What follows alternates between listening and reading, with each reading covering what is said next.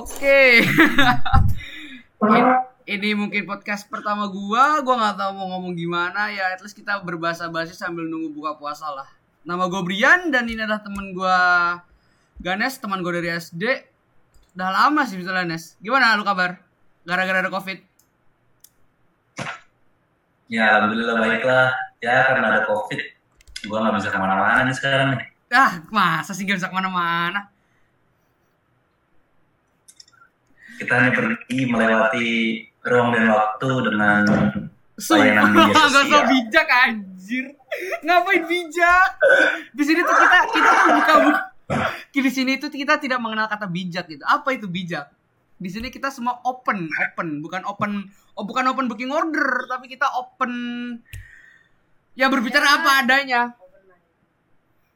Itu apa adanya kita berinteraksi ruang dan waktu melewati ruang media sosial. Tenang, ini nggak diupload di IG anjir. Lu mau ngapain bego? Kan kata bijak gak ada guna.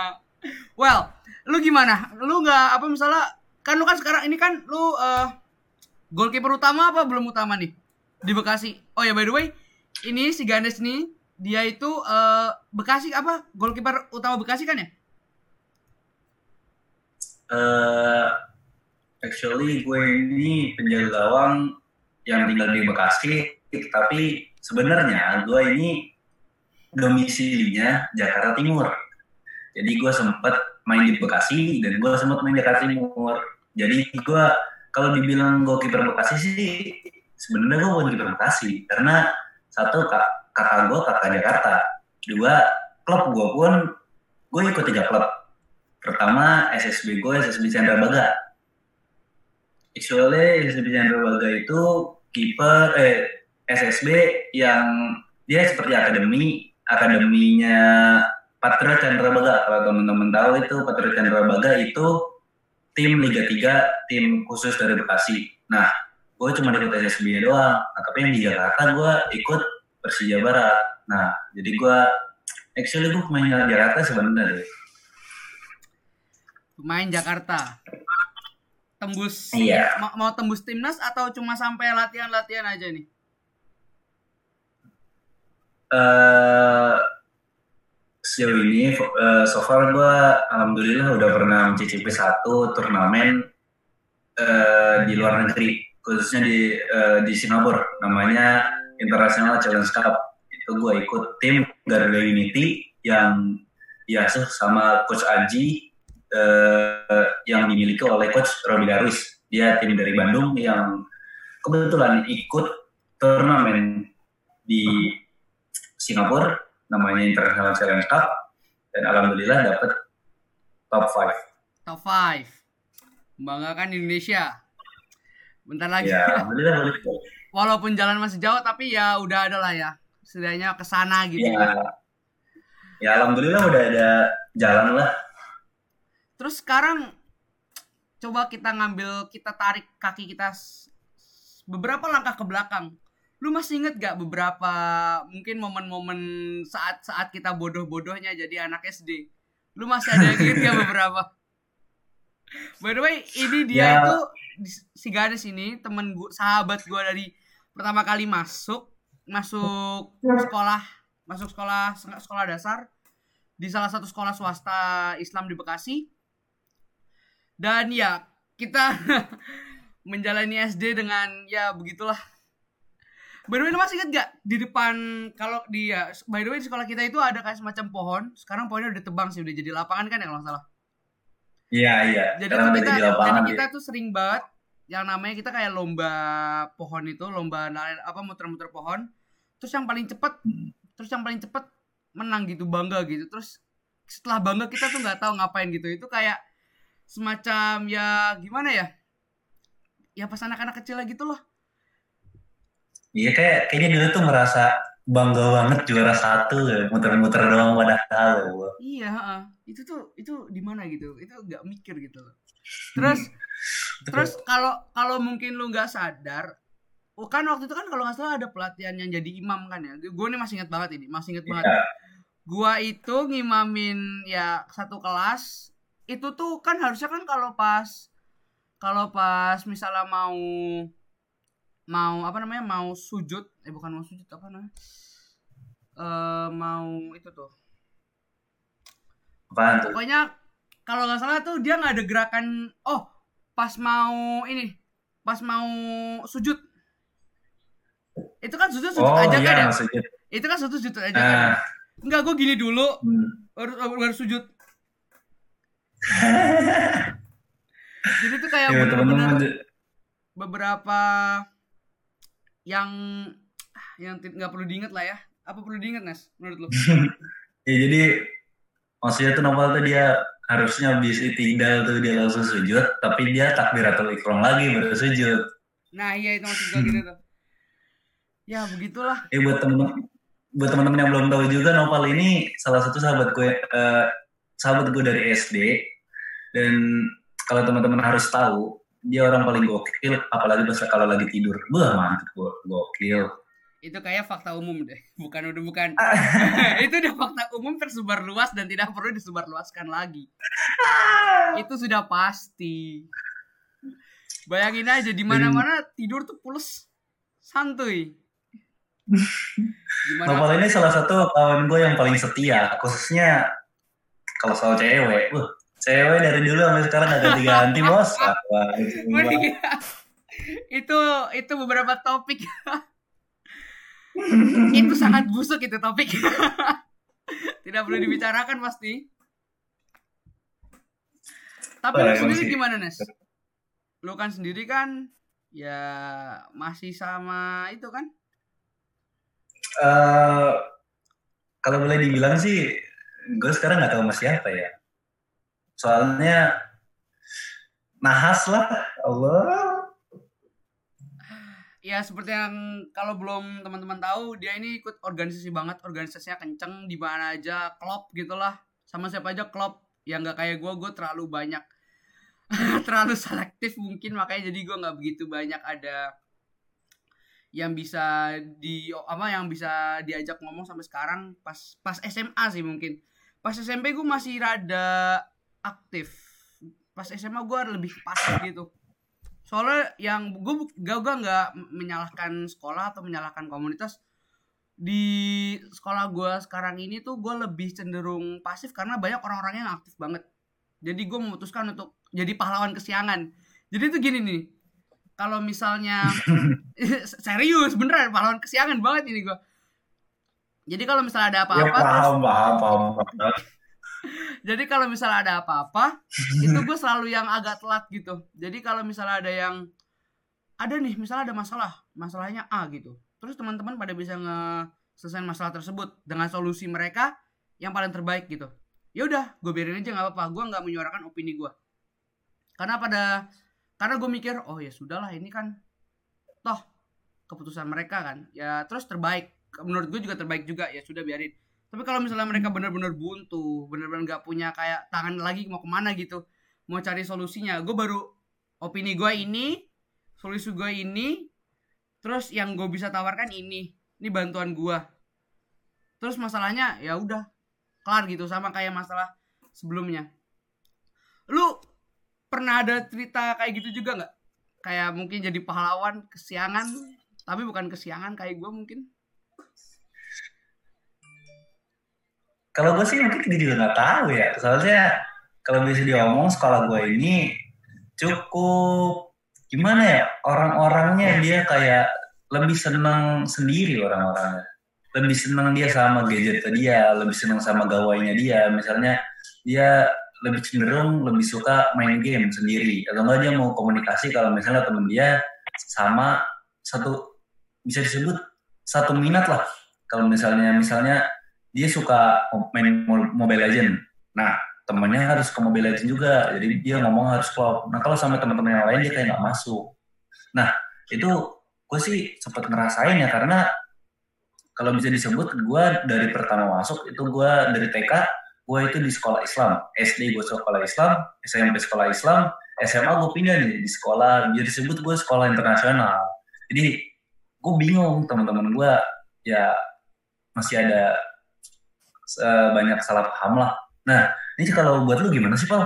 Kan lu kan SD juga Islam, SMP Islam. Nah sekarang SMA lu kalau boleh tahu buat teman-teman, Novel ini dapat salah satu sekolah terbaik di Jakarta. Ya kita gimana usah nyebutin lah sekolahnya yang mana.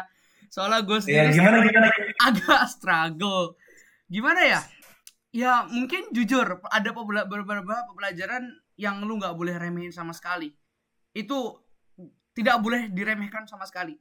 Jadi lu kalau masuk SMA terus meremehkan SMA tersebut, oh big no, big no banget itu, itu nggak boleh. Jadi pertama gue masuk, oke okay lah fine, sekolahnya biasa aja. Sekolah, ya pas masuknya biasa, pas pengenalannya juga biasa, normal. Gue punya beberapa teman baru ya sudahlah, berjalan seperti normal. Abis itu, tiga bulan pertama, oh pelajarannya mudah. 4 minat itu sangat mudah. Sangat sangat. Oke okay, paham setelah, paham. setelah setelah tiga bulan selanjutnya ah enggak tiga bulan selanjutnya lah. Kalau misalnya Juni kapan kita masuk ya? Juli ya kalau salah Juli Juli.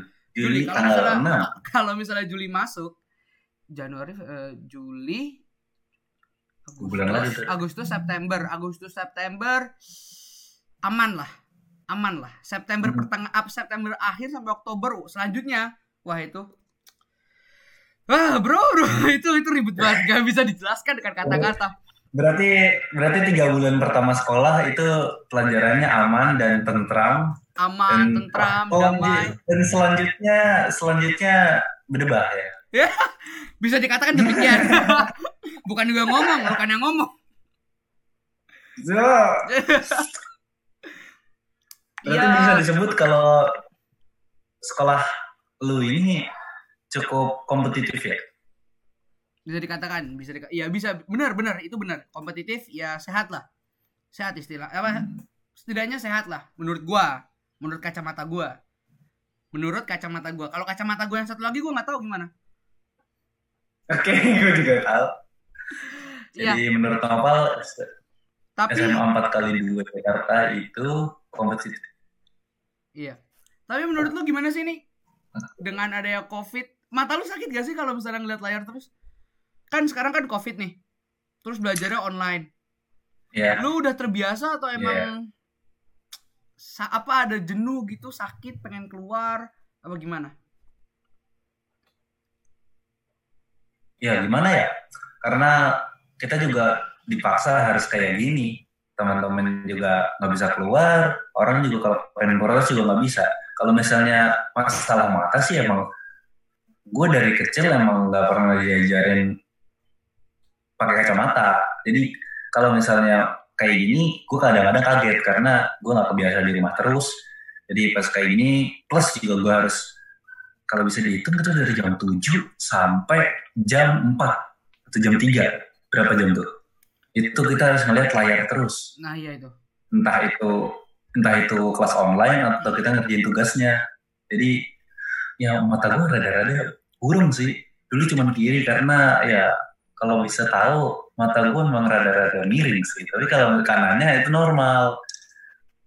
Jadi agak sakit sih yang kiri karena kiri gue rada-rada miring kan. Hmm, rada-rada miring. Terlalu banyak main futsal. Oke, okay, paham. Apakah tidak tahu mataku bermasalah seperti apa?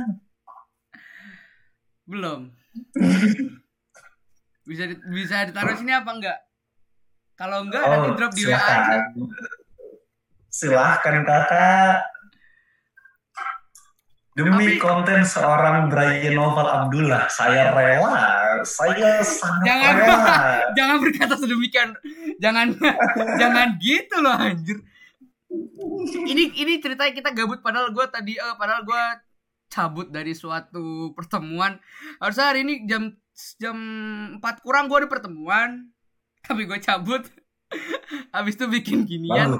Soalnya kemarin lu gue kontak nggak bisa cok. Oh iya nih buat uh, buat lo nih. Gue tuh kalau misalnya so itu gue latihan latihan sama gue bantu-bantu orang tua. Soalnya orang tua gue sekarang tuh karena wabah ini jadi eh, yang berjalan cuman bapak gua nah ibu gua tuh dia gatel banget pengen kerja jadinya dia usaha jualan frozen food nah ini crowded banget sih. Wah, laris dong. Ya alhamdulillah uh, laris apalagi kan sekarang juga ingin datangnya bulan eh, namanya hari Idul Fitri kan, jadi banyak yang beli alhamdulillah. Makanya crowded. Ngomongin Jadi dulu. buat buat sobat-sobat yang pengen beli frozen food, silahkan jadi gua.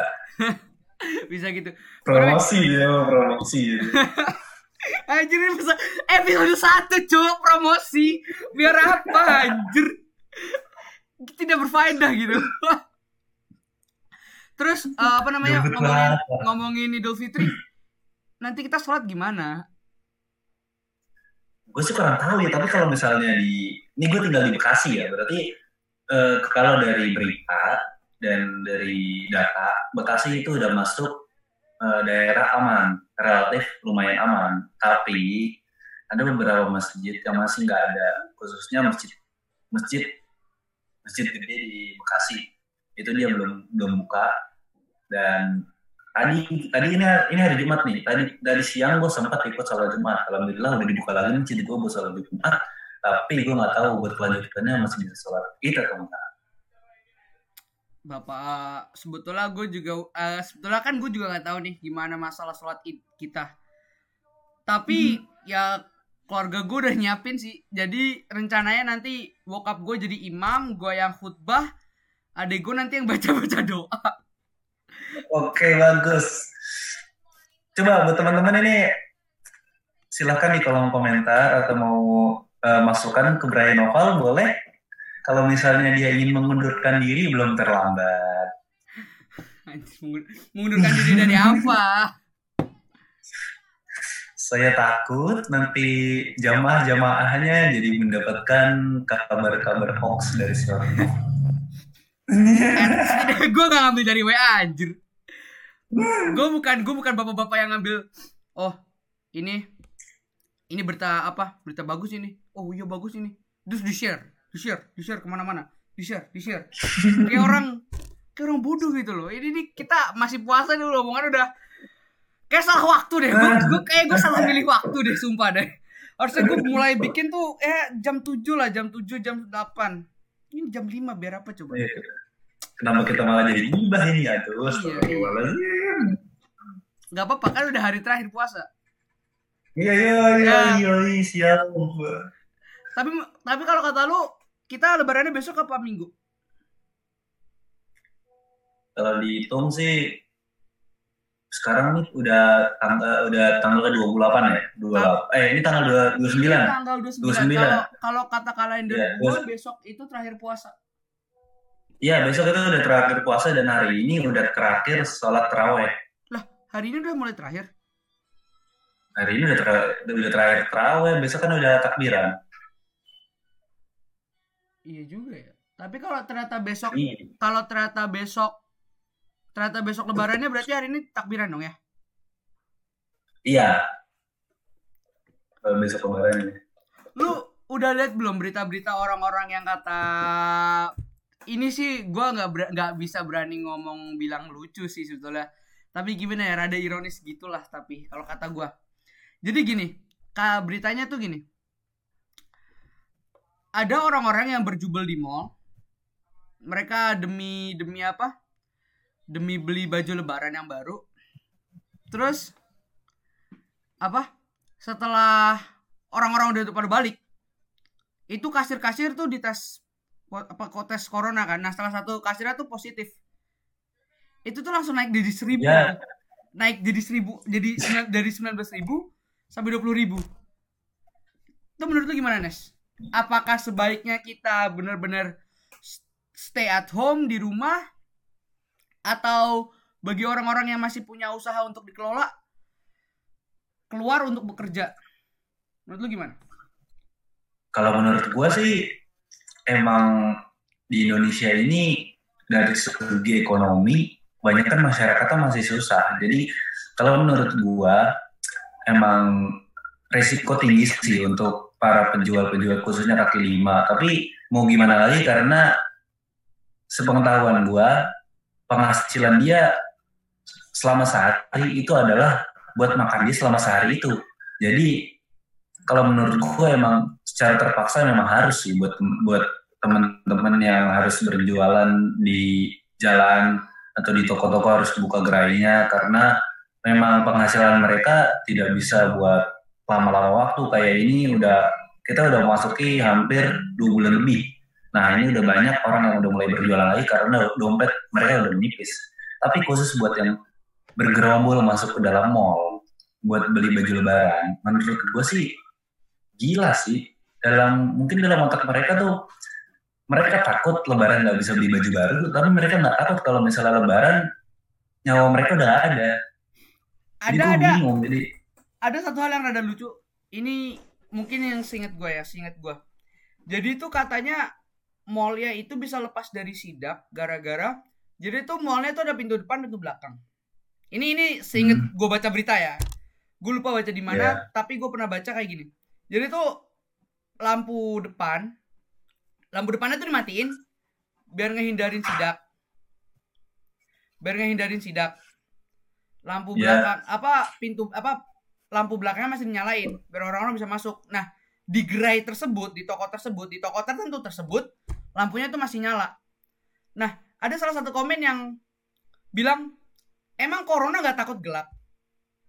Jadi tuh kayak mereka kayak cuma menghindari sidak demi bisnis mereka tetap berjalan gitu dengan cara-cara kayak lampunya dimatiin lah biar nggak ketahuan lagi banyak orang biar lepas dari sidak. Itu tuh menurut lu lucu atau ironis apa gimana menurutku sih emang udah udah nggak ada alok sih emang ya demi duit dia harus ya kalau bisa disebut mengorbankan beberapa nyawa karena ya bisa tersebut itu kan dunia luar itu sangat berbahaya. Uh, kalau dari data emang katanya, katanya gue ini dari data yang dulu gue baca, corona itu dia lebih kuat pada saat dingin. Jadi uh, apalagi di tempat ber AC. Jadi misalnya khususnya dalam mall nih, dalam mall ber AC. Walaupun lampu dinyalain kayak gimana pun, itu corona tetap ada. Corona tuh malah lebih kuat kalau dia di tempat dingin.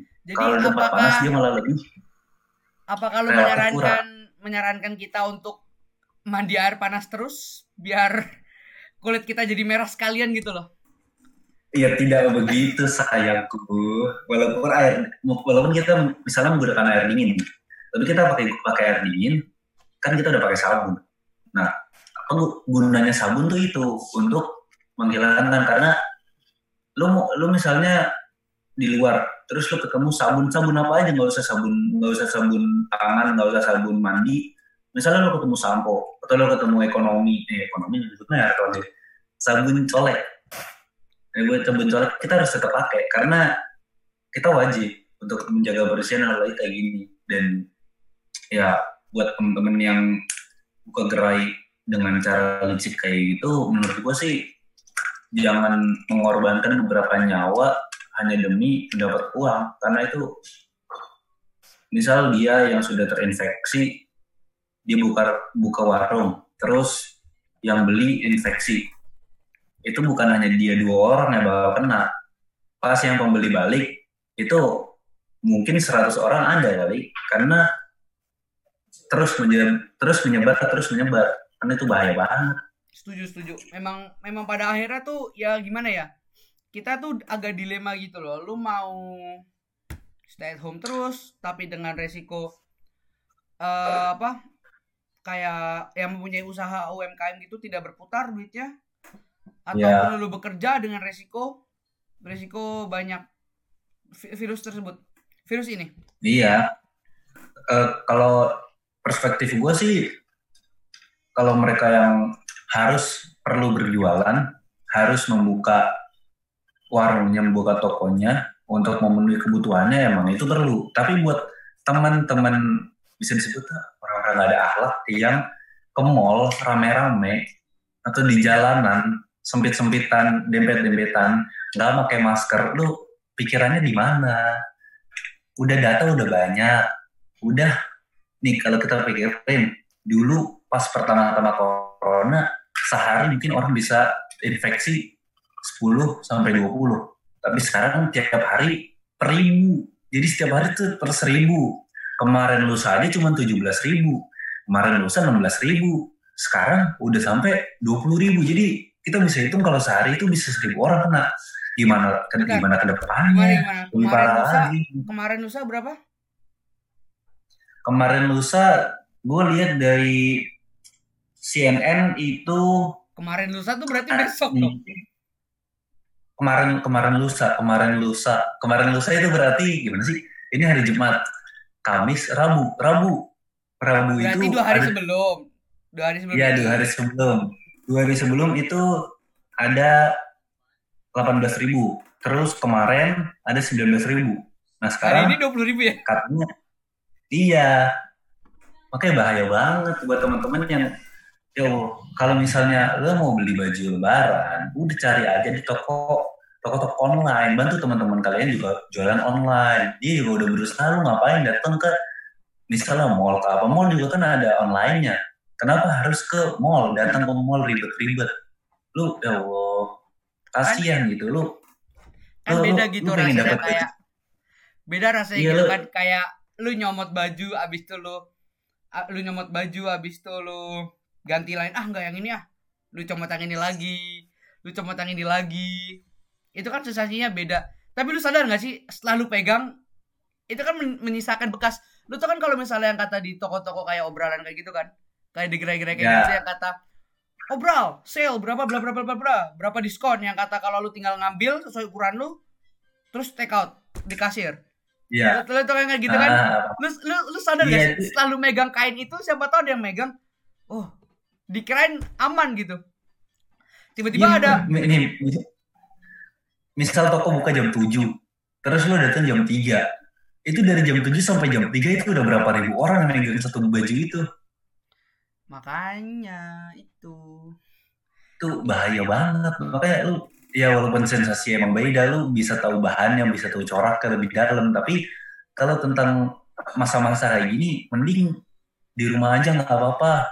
Kita oke-okein kalau mau kita tanya ke apa ke tokonya ke tokonya yang punya toko ke kontak yang udah ada. Kita tanyain bahannya gimana. Mending kayak gitu daripada lu datang lu membahayakan diri sendiri membahayakan orang lain. Gimana kalau lu nggak tahu itu positif? Gimana lu nggak tahu kalau misal sebelah lu itu positif terus lu kena senggol-senggolan plus lu lagi nggak pakai masker lebih parah lagi bahaya banget sumpah. Obrolan ini makin berat anjir corona ini emang gimana ya? Berat banget kalau misalnya diomongin. Kalau misalnya gue mau mengarah ke konspirasi nanti keburu di ban mungkin ini podcast. Baru dimulai. Gue nggak tahu. Bahaya. Bahaya ini. Ini sebagai Kickstarter agak bahaya bahaya banget itu untuk dibicarakan ke konspirasi. Mungkin mungkin nanti beberapa episode setelah ini mungkin. Itu pun kalau sempat buat. Sebelum elit global Oke. datang untuk menangkap gua. I don't know. Elit elit Oke, global buat pemirsanya buat nontonnya novel ini adalah video pertama novel tapi kita udah bikin sesuatu yang eh. mencengangkan berbahaya sekali untuk akun ini. Beda trademark sekarang. Oke namanya Brian. Oke siap siap. Menjijikan ya Allah. Buat teman-teman nama dia asli itu namanya Brian Novel Abdullah. Dan teman-teman biasanya manggil dia namanya Novel atau enggak Gopal. Ini kenapa bisa jadi Brian ya gue memutuskan untuk mengganti nama itu setelah mengalami berapa semenjak gue dipanggil nama itu. Ah, gue agak agak suka dan gue dan agak melekat di gue gitu pas SD akhirnya gue memutuskan untuk SMP gue kayak nickname gue perlu gue ganti deh. Abis itu ya nggak begitu banyak argumen apa debat sama orang tua gue akhirnya gue tanya ini boleh diganti nggak? Boleh terserah. Ya udah gue ganti kan nick gue Hmm, terus ya begitu iya aja. bagus sih nggak apa nggak apa-apa karena sesuatu yang kepaksa akhirnya bakal juga kepaksa. Jadi sebisa mungkin kita mencari sesuatu yang kita enjoy. Kalau kita suka dipanggil itu ya udah kita panggil itu. Kalau misalnya kita nggak suka harusnya kita bilang oh kita nggak suka. Tapi kalau misalnya cara lu juga pengen mengganti mum- mumpung ada eh, peralihan tempat dan peralihan teman yang juga belum belum mengenal lu ya. Lu pengen ganti juga bagus yang penting lu enjoy lu seneng. Tapi kan pas Tapi kelas kalau- pas kelas 6 dan kelas 5 tuh udah gue udah rada nggak nyaman gitu kan. Tapi akhirnya gue memutuskan untuk let it flow. Gue gue agak agak enakan sih. Nanti susah malah ditambah lagi kayak apa? Kayak bukan itu itu jadi ya gimana ya udah melekat gitu kan. Gue kan agak nggak enakan gitu sama orang-orang. Jadi kayak buat ngerubah ya nggak sesuatu yang besar sih menurut gue tapi ya kayak apa ya? Susah buat ya biarin aja lah menurut gua. Gitu aja lah. Ya Iya, setidaknya gua menikmati kayak ber- berapa tahun gue semenjak dipanggil itu yang nama yang gua semacam julukan yang tidak gua harapkan gitu Berarti kita sekarang itu berarti udah empat tahun yang lalu. iya itu udah empat tahun yang lalu Empat dan tahun yang lalu. dan gua Empat tahun yang lalu. gue jujur aja mungkin ada yang beberapa belum tahu teman-teman SMA gua mungkin yang belum tahu dulu gua sem ya bukan sempet sih sering digangguin gitu lah sama lu pada kan lu pada heeh Iya, ya Nes iya. ya Nes Jadi yang belum tahu itu sebenarnya gue sama Novel itu sahabatan, cuman Novel itu cenderung ke anak-anak yang jenius, yang pintar, pintar, lima besar. Dia pernah lima besar tapi dia nangis karena dibilang jelek itu gila banget. Dan gue, gue juga salah satu, gue sahabat dia, tapi gue berada di lain tempat yang bisa disebut berseberangan dengan dia. Karena gue tuh eh, kelompok-kelompok gue seneng banget kayak bukan ngolok ya bahasanya tuh kayak ngebully. anak kecil SD apakah itu tuh- tepat bukan jangan anak anak SD itu belum bisa ngebully. Dia dia hanya mencari suatu kesenangan yang dia suka dengan dan dilakukan dengan dan dilakukan dengan teman-teman dia. Tapi anak SD sih belum bisa ngebully sih kayaknya anak SD itu Mungkin lebih cenderung kalimat yang tepat mungkin gini. Meninggikan ses- meninggikan status lebih tinggi daripada seseorang yang ingin dikecilkan. Ya ya bahasa ilmiahnya gitu lah tapi kalau bahasa Jawanya itu kayak ngeresok ngerecokin gitu ngerecokin Ngerecokin. berarti mengganggu aja gitu ya ya ya, misalnya kayak ngerecokin Iya. Kan kalau misalnya ada orang gangguin itu kan punya tujuan kan? Enggak, kalau misalnya orang ngerecokin tuh, Hmm. ya gue lagi pengen ngerecokin doang aja gitu kan? Iya, kayak seneng aja. Beda kalau misalnya lu udah masuk jenjang SMP atau SMA itu merecokinnya itu udah mengganti mungkin jadi bullying karena mereka mungkin menggunakan tangan, menggunakan kata-kata yang lebih parah, menggunakan bahkan bisa menggunakan benda juga. Benda. Iya. Bisa juga menggunakan ya kayak omongan kayak body shaming, terus juga ngata-ngatain Jadi ingat, perilakunya. jadi ingat ada pernah kasus kelas 3. Aduh, apa ya kasusnya aku lupa. Apa ya, Nes? Aduh, aku lupa. Hmm. Kayaknya mata deh. Mata yang mana ya? Mata yang kanan apa yang kiri ya? Ya sudah lah itu. Hmm, paham. Itu sesuatu yang itu sesuatu yang sangat aib banget. Ya udahlah. Cukup di masa lalu. Dan lu sekarang gimana? Tugas-tugas sekolah? Ada yang deadline nggak? Ada yang menunggu deadline dan lu belum kerjakan sama sekali? Jangan contoh gua. Hmm, gua gua- sekarang punya tugas kimia banyak belum gua kerjain. Numpuk udah kayak lima Al-Quran ditumpuk. Ya itu hiperbola sih berlebihan sih tapi istilahnya banyak lah Ya, kalau misalnya gue nih, kalau boleh sombong nih gue sekarang udah libur. Jadi gue libur tuh dua bulan. Nanti gue Juli baru masuk lagi. Karena apa? Karena eh, guru-guru gue itu banyak kan orang luar negeri, khususnya orang Filipina. Jadi eh, mereka harus pulang lebih dulu dan sekolahnya harus dilibur, eh, sekolahnya harus diselesaikan lebih cepat lah lu dan gimana khususnya juga ya sekarang gue udah selesai. Gue udah gue udah graduate. Jadi grade maksudnya itu bahasa bahasa bahasa Inggrisnya graduate maksudnya tapi udah lulus lah ya, udah wisudaan gue gue lulus naik kelas naik kelas naik kelas naik kelas. ya betul. Iya kita masih kelas 10 ya Ya, kita tahu kelas. apa ya? Kita kan tidak Ya. tahu apa-apa. Ya. kita kan tidak tahu apa-apa. eh, kita bukan angkatan hoki yang lulus. Ya teman-teman kita hanya angkatan percobaan yang nanti akan dilakukan apa tuh namanya nggak ada UN nggak jelas banget parah jadi kita nanti bikin kayak apa namanya? Eh skripsi ala SMA ya gitu ya. Pokoknya kita kayak bikin tesis ya lah. gitu lah. Kayak bikin tesis ya kalau nggak salah. Bikin ya bikin ya gitu lah. Bikin tesis gitulah tapi Hmm. kan menurut lu itu bagus apa enggak dihilangkannya UN kalau menurut gue sih lebih bagus ya. Karena gue cenderung, gue cenderung suka berhayal dan ngomong. Jadi gue lebih suka ngomong, gue lebih suka analisis sesuatu. Gue, gue lebih suka uh, lebih suka menjelaskan daripada gue harus nyoreng-nyoreng A B A B C A B C A B C. Soalnya gimana ya kalau misalnya lo nggak ngerti itu bakal salah dan uh, metode pendidikan di Indonesia khususnya kan gue sekarang di sekolah internasional dan sekolah dulu gue sekolah nasional jadi gue udah sedikit-sedikit bisa membandingin. Kalau sekolah internasional itu lo harus paham. Misalnya gue belajar matematika gue dikasih waktu uh, eh, gue dikasih waktu dua minggu untuk memahami satu soal. Tapi gue harus menjelaskan secara secara rinci. Semisal nih kalau lebih gampang misalnya pensil. Pensil misalnya gue dapet pensil misalnya warna kuning pensil itu warnanya kalau misalnya orang biasa pensil itu warnanya kuning lurus. Dah itu doang. Tapi kalau misalnya di gua pensil. Pensil dibuat pada tahun ini ini dibuat pada siapa lalu pertama kali disebutnya apa ditemukan oleh siapa dan lalu warnanya kuning lalu kegunaannya untuk apa dan kegunaan lainnya untuk apa pokoknya sampai perinci sampai paling rinci itu kalau sekolah internasional dan sekolah, dan sekolah di lain hal. Tapi kalau di sekolah Indonesia itu sangat berbeda. Ya gimana? Karena ya? dia menggunakan metode menghafal.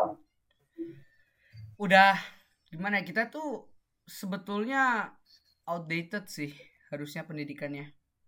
Karena tuh pada yeah. dasarnya kita tuh nanti ke depannya tuh kan kita tuh kan sekolah untuk ya ini menurut gue ya menurut gue kita sekolah untuk menyiapkan karir atau masa depan itu opini gue. Iya. Yeah. Menurut yeah. lo sama apa enggak? Iya benar sama. Dan karena ya ujung-ujungnya tujuannya kita untuk bekerja. Jadi lu pengen misalnya sekarang eh kalau zaman dulu orang jadi OB, jadi karyawan itu SMA atau SMP, lulusan SMA atau lulusan SMP. Tapi sekarang yang menjadi OB dan menjadi karyawan nggak nggak usah jauh-jauh malah yang menjadi gojek itu adalah lulusan sarjana satu jadi sarjana itu nggak terlalu berpengaruh sih. Kalau menurut gue ini ini gue perspektif anak SMA kelas yang naik kelas 11 karena gue melihat kayak sepupu-sepupu gue itu juga dia lulus jadi sarjana cuman dia tidak ada skill. Jadi yang paling menentukan adalah kita memilih, memiliki skill dan keberanian untuk berbicara pada orang. Itu contohnya. Itu perspektif anak SMA jadi kita berbicara 11. jadi kita ya. berbicara lu kan udah naik gue belum gue masih udah PAT nanti kelar lebaran jadi gue belum bisa oh, iya. gue belum bisa mengatakan bahwa gue berbicara dari perspektif kelas 11 gue masih berbicara dari kelas 10 ya kakak kelas ya udah jadi ya. gue masih ada kelas nih Oke, okay. yang yang nggak apa-apa karena ini semua adalah perspektif, ini bukan sudut pandang karena kalau kata kata Bung Firsa Besari ini adalah perspektif bukan sudut pandang karena kita, kita memandang suatu masalah tidak harus saling menyudutkan. Lu barusan Google ya? Kagak, gue fansnya Bung Firsa Besari. Asik. Ya gue dengerin beberapa karyanya lah, tapi gue nggak, gue tuh akhir-akhir ini kan gue tidak terlalu menggemari seseorang karena takut berujung kepada hyper terlalu hyper terhadap fan terlalu menggemari suatu seseorang hmm. jadi gue lebih ke biasa-biasa aja jadi kayak hidup itu sekarang tuh biasa-biasa aja. Rada iya. lebih pasif banget mungkin mungkin iya. tahu pas gue sekolah di SD itu gue mungkin rada aktif ya. Menurut lo apa beda? Ya aktif lo. Dulu tuh SD tuh lo kan sempat ikut juga futsal bareng tim gue juga. Ya aktif lah cukup aktif. Tapi gue juga gak tahu lo SMP sama SMA karena tahu. Karena eh ya walaupun lo terkenal dengan rekor yang cukup buruk karena novel itu dulu berlari lapangan 10 meter dia mendapat kecepatan eh mendapat waktu 33 detik dan teman-temannya lo hanya lo, mendapat lo, 15 detik. Itu gue masih inget, itu tuh gue masih inget. Itu gue masih balas dendam, gue masih inget inget itu. Ya gak balas dendam banget lah, gue masih inget inget. Jadi tuh gue masih inget, oh, gue malah pernah mimpi waktu itu gue gue lari lagi, gue lari lagi di lapangan itu. Jadi sebelah gue itu ada temen namanya Iza lu masih kenal? Iya, Iza. itu itu gue satu line up. Jadi kan kita tuh waktu itu jadi buat yang belum tahu kita itu pas kelas 6 itu kan ngadain ujian praktek kan. Ujian prakteknya itu 100 berapa meter sih? Cuma satu jalanan doang kan ya? Iya, cuman cuman 100 meter, 100 meter. nah cuma 100 meter kan. Habis itu kita lari dan gue nggak nyiapin apa-apa samsek bener-bener nggak nyiapin apa-apa akhirnya ya berujung buruk hasilnya dan gue biasa aja karena gue udah rada pasrah. Nah pas SMP gue berusaha untuk mencoba sedikit baru mencoba sedikit. Lu ya mungkin per- percobaan gue mungkin nggak terlalu percobaan gue mungkin nggak terlalu banyak dan besar. Tapi setidaknya gue mencoba untuk kayak latihan jogging dulu. Kan jadi kan waktu itu kan disuruh muterin apa namanya eh, stadium apa sih di Romaun ini? Sorry gue gue gue mungkin tinggal di sini tapi gue nggak begitu kenal geo geografi di sini mungkin pokoknya ada stadium stadium lu mungkin udah tau nggak stadium di sini stadium di daerah gue Gor. namanya Gor itu gua, gua tahu di Jakarta Timur ada Gor Gor Jakarta Timur ada emang. Iya. Jalan Gor- satu ke rumah gua. Iya, gor itulah. Gua itu muterin itu. Itu tuh kayak persiapannya Hamin 7. Itu tuh itu aja gua siapin kayak bener-bener matang biar ya setidaknya hasilnya bagus lah. Soalnya tuh ditetepin KKM kan 75 gitu. 7 Hmm. KKM 75 berapa menit. Nah, gue tuh pengen sekali-kali eh, sekali-kali olahraga 85 lah, apa 80 kayak akhirnya gue coba kan. Akhirnya gue coba dan berhasil. Gue dapat tuh kalau nggak salah 80 apa 85 gitu.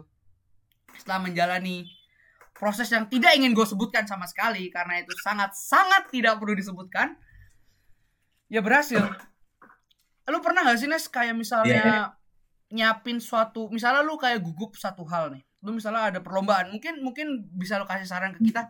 Pas lu kemarin contohnya kita ambil Singapura aja lah konteksnya. Pas kemarin lu lomba Iya. Singapura lu kan lu gugup lu gugup banget ya? Cukup gugup gua karena bisa dibilang gua gua itu bisa bisa dibilang gua tuh kenal, gua kenal sama eh gua gua punya pelatih nih, gua punya pelatih yang gua bilang tadi dari Chandra Baga di Bekasi. Nah, pelatih itu dia punya kenalan, punya punya teman-temannya dia eh, yang belum tahu pelatih gua tuh di Chandra Baga namanya Coach Tiastono Taufik, dia legenda Persija. Nah, dia punya teman legenda Persib namanya Coach Robi Darwis. Nah, dia berteman dan Coach Robi Darwis menawarkan satu pemain dari Bekasi untuk dibawa ke Bandung dan untuk mengikuti training center untuk mengikuti International Challenge Cup di Singapura. Nah, tiba-tiba dia milih gua. Gue juga ada, gue rada-rada kaget sih karena itu beneran pertama banget gua ada kesempatan ke luar negeri dan itu pas banget pas gua lagi drop-dropnya karena itu habis itu kira-kira itu habis kalau misal di Indonesia-nya itu habis eh eh, PAS ya iya tengah semester tengah semester ya.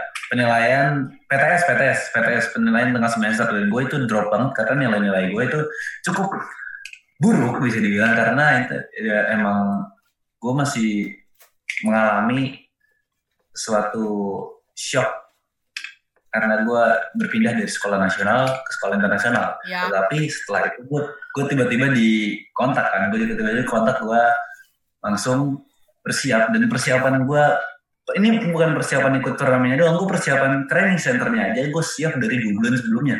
Jadi gue dikasih tahu tiga bulan sebelumnya dan gue langsung setelah dikasih tahu gue langsung latihan dan latihan itu bisa dibilang cukup berat ya karena lu bangun pagi sholat subuh sholat subuh jam 5 tank gue berangkat gue jogging menggunakan pakai itu pakai apa namanya pakai aplikasi untuk ngikutin kecepatan gue jadi gue hmm, kira-kira sampai 5 kilo gitu. Pagi pagi-pagi gue sampai 5 kilo satu jam jam jam 6 gue harus sudah pulang lagi. 5 kilo gue pulang dan gue dihitung waktunya berapa. Jadi dan gue di sekolah juga harus tetap kuat. Jadi gimana ya? Dua bulan itu bener dua bulan setiap pagi dan setiap sore gue lari 5 kilo. Biar eh, secara kondisi badan gue gitu. ya. iya. Peng, peng- apa misalnya persiapan kondisi persiapan kondisi sana mental kayak gitu gitulah dan iya. lu lu sempat latihan di sana kan? Sempat latihan di Iya. Singapura kan? Gue sempet training center di sana seminggu. itu tuh beda banget gak atau sama aja kayak Indonesia? Mungkin karena masih satu garis katulistiwa kan ya kita sama ya, masih itu kalau sama Singapura? Eh, eh, International Training Center sendiri itu eh International Train eh Inter- International Challenge Cup sendiri itu turnamen eh turnamen yang diadakan sama kalau bisa disebut itu sekolah khusus olahragawan SKO-nya Singapura. Jadi kita diundang, kita di situ sebenarnya yang diundang itu timnas tim nasional U16, cuman tim nasional U16 menolak karena dia masih persiapan. Jadi dia cuma milih eh, tim tim yang tiba-tiba ngerekrut gua alhamdulillah jadi gua di sana tuh jauh ya kalau bisa disebut eh, dari fasilitas dari aware-nya orang-orang itu tuh jauh banget lebih jauh Eh, jadi gua ngerasa tuh di Oke. Singapura oke. apalagi di tempat olahraganya bukan kayak di Indonesia tapi di luar negeri itu parah banget sih Oke oke, kita kita kita paham lah setidaknya fasilitas itu sangat berbeda. Yang gue ingin Iya. agak gue bold dikit itu suasananya gimana? Suasananya, ya suasananya sama aja. suasananya pas kita masuk ke area PC training center sama area pertandingan itu bener-bener pure gue ngerasa kayak ini tuh bukan di Asia malahan. Ini gue ngerasa ini ini gue kayak di Eropa karena beneran beda banget.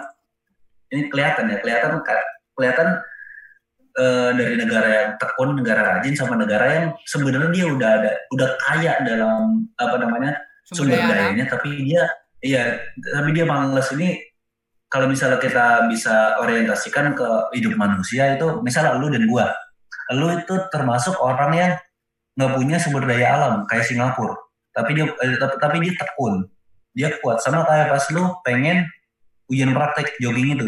Lu dari seminggu lu udah mulai jogging jogging jogging jogging. Lu padahal nggak ada skill buat lari lu nggak ada skill buat apa lu juga fisikal lemah lu badannya juga. Oh gitu kan. Tapi orang tekun dan orang udah ada skill tapi malas itu beda. Jadi alhamdulillah lu dapat 85 kan itu adalah hasil dari tempaan lu. Sama kayak Singapura. Dia dia nggak punya apa-apa ya. Allah negara cuma setitik kalau di peta. Tapi dia wah parah sih. Fasilitas bagus orang-orang bagus apa tekun. Beda sama Indonesia. Indonesia semuanya ada. Sama kayak gua. Misalnya kalau diorientasiin gua skill ada. Banyak. Ada apa potensi banyak. Cuman males. Dia males dan banyak kan bohong. Kalau misalnya diorientasiin gua bohong gitu. Jadi walaupun dari segi fisik fisik itu kayak sumber daya alam. Fisik itu bagusan gua. Cuman dari segi eh, pasti kelihatan dari orang oh ini orangnya bagus padahal orang gendut. Misalnya lu. Padahal orangnya tuh nggak ada sumber daya alam nggak ada sumber daya apa apa buat dia bisa. Tapi dia realitanya dia bisa nah itu khususnya ke lu lu tekun jadi lu pinter lu masuk ke sekolah yang sangat sangat Nah, kompetitif itu itu sekolah 4 kali dua Jakarta itu itu gak usah dibesarkan lah. Itu ya Nah, sebuah itu. itu sebuah kebetulan yang tidak bisa kita prediksi sama sekali dan pada akhirnya gue harus memutuskan untuk menerima keputusan tersebut. Itu kalimat panjangnya, kalimat pendek Iya. ya. Nyesel nggak nyesel sih. Tuh. Tapi eh, kalau misalnya disebut lagi ya, lu kalau misalnya di lu lu adalah salah satu kebanggaan karena lu juga masuk dia disebut sekolah yang susah untuk didapetin oleh orang. Hem. Hem. Iya kan? Iya. kita kita gak usah nyebut lah sekolahnya di mana lah ya. Banyak orang masuk itu ya. Karena sekolah Jadi- unggulan di Jakarta itu kan banyak dan tidak hanya sekolah gua. Tapi sayang bisa banget sih Nes. Gua mungkin harus Kenapa? Memotong kita harus memotong pada hari ini soalnya udah 17.40 udah mau buka Oh, iya. Lagi udah buka nih. Bukbernya ada tem- tem- Bar. sini. apa kabar? Baik. Salah satu penerusan novel dia ya. Dia nggak punya sumber daya apa-apa. Dia juga nggak kuat, lemas, juga gendut. Tapi dia cukup tekun anaknya. Jadi mudah-mudahan kita doakan saja buat dia. Ini dia juga mau jadi pilot nih. Jadi doain. ya, Nes. Satu pertanyaan terakhir Nes untuk menutup ini semua. Oke. Kalau misalnya nih kita andaikan lu beneran masuk timnas. Oke? Min. Ya, kita, kita kita doakan lu masuk timnas lah, amin. abis itu misalnya lu nanti pensiun kira-kira umur berapa 36 lah misalnya di timnas Ya. semoga panjang ya semoga panjang dan Amin, semoga amin. lu bisa bawa lagi ini bisa bawa Indonesia lagi lah nah Ya, amin.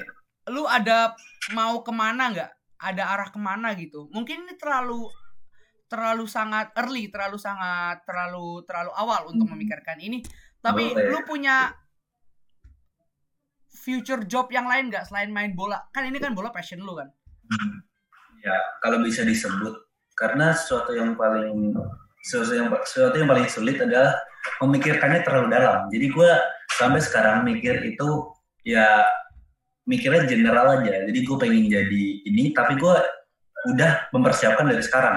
Contoh sekarang gue gue pengen jadi pemain sepak bola, tapi dan gue juga udah mempersiapkan dari sekarang. Yang kedua, gue ingin jadi bisnismen. Bisnismen apa? Kalau dari sekarang, karena gue sempet sekarang gue ikut eh, bisnis klub di sekolah gue uh dan Ada nanti gitu gue kan? tanding ada jadi gue nanti tanding doain yang mudah-mudahan menang gue nanti ikut tanding eh, di sebenarnya kalau misalnya nggak ada pandemi gue ikut nanti di itu dia apa namanya gue exhibition di Surabaya tetapi karena ada pandemi ini jadi gue eh, ikut exhibitionnya di eh, di rumah dan gue sama teman-teman gue nanti presentasi ke eh, universitas Wah, yang nanti bisa nih. buka. Bisa nih gue menyeludup di menyeludup gitu ganti ganti ya ganti sedikit gitulah abis itu ntar gue jadi orang itu gue presentasiin. Bisa nih. Bisa dicoba, boleh. Nanti ya pokoknya mungkin kita bakal bikin podcast kedua nih boleh nih ya. Dengan judul apa? kita berbicara muter-muter tidak tahu mana titiknya tidak tahu apa gunanya. Ya setidaknya Ya, untuk pokoknya- menghibur. Jujur jujur aja nih. Gue buat atas dasar apa ya keseringan non- dengerin podcast dan akhirnya pengen bikin dan ya muter-muter aja gitu. Kita nggak tahu bahas apa sebenarnya Ya. dari dari awal kita bahas apa sampai titik ini apa ya. Intinya dari seorang yang gua undang pada hari ini so, sahabat karib gue dari SD lu ada opening statement apa opening statement closure statement nggak? Sebelum gua tutup banget nih Nih sebelum se- oke deh, gue gue pengen ngasih sesuatu buat kalian, buat yang belum eh, yang belum gue promosi ya, gue promosi ya. Gua.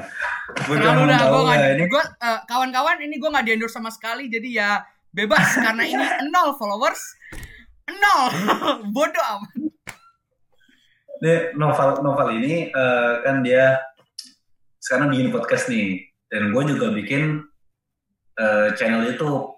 Nah buat kalian yang eh, ingin tahu lebih lanjut tentang diri gue, ntar gua drop bisa ya. aja. Di drop. Ya, nah, nanti- ini ini ini di drop di bawah nih di drop- drop di bawah di drop di bawah. Di bawah nih di bawah. IG gue Ganes Ganes Gold Ganes Goalkeeping Zero Two. Di subscribe itu channel YouTube gue nanti kalian mau mau ada sesuatu apa apa kalian tinggal tanya ke gue nih buat penutupan nih.